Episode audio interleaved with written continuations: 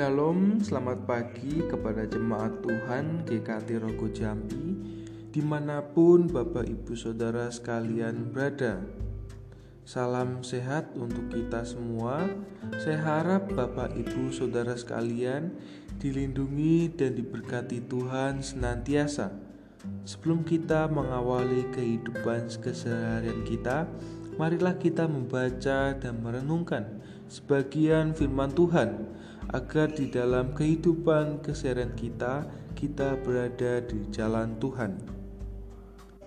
Pembacaan firman Tuhan pada kesempatan hari ini terambil dalam Yeremia 29 ayat yang ke-11.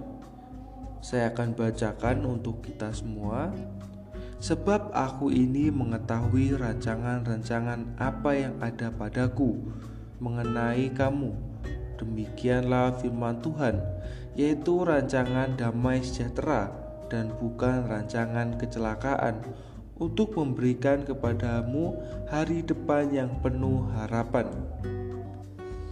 Bapak, ibu, saudara sekalian, firman Tuhan yang telah dibacakan tadi khusus berbicara tentang rancangan Tuhan untuk bangsa Israel yang hendak mengembalikan mereka ke negerinya setelah melewati tahun-tahun di dalam pembuangan.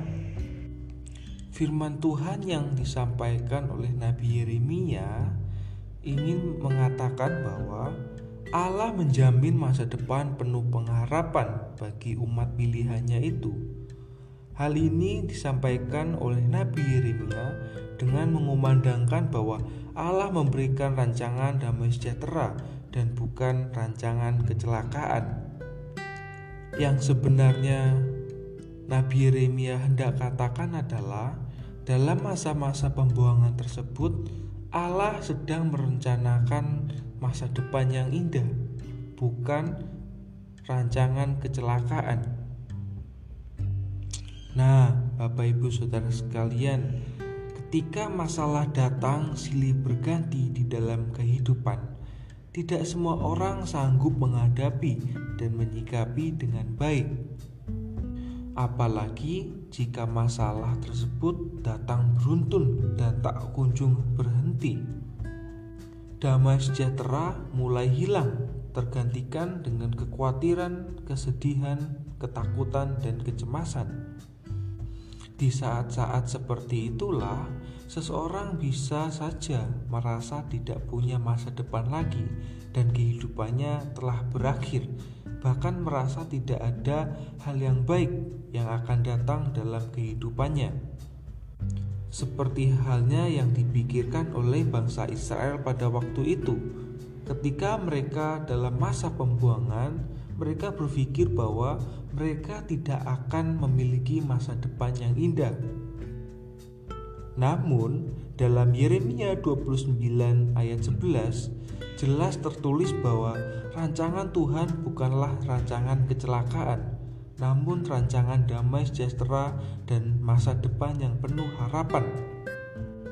Maka dari itu, sebagai orang Kristen, sudah seharusnya kita memiliki kepercayaan bahwa Tuhanlah yang mengatur segala sesuatu, sehingga kita sebagai manusia hanya perlu berdoa, berusaha, dan berserah kepadanya.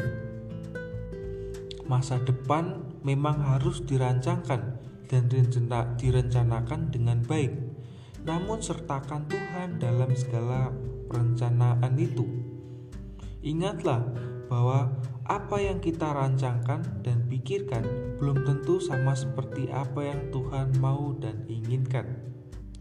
Percayalah kepadanya dan tetaplah kuat di dalam berbagai masalah dan persoalan, karena Tuhan selalu merencanakan yang baik bagi hidup kita.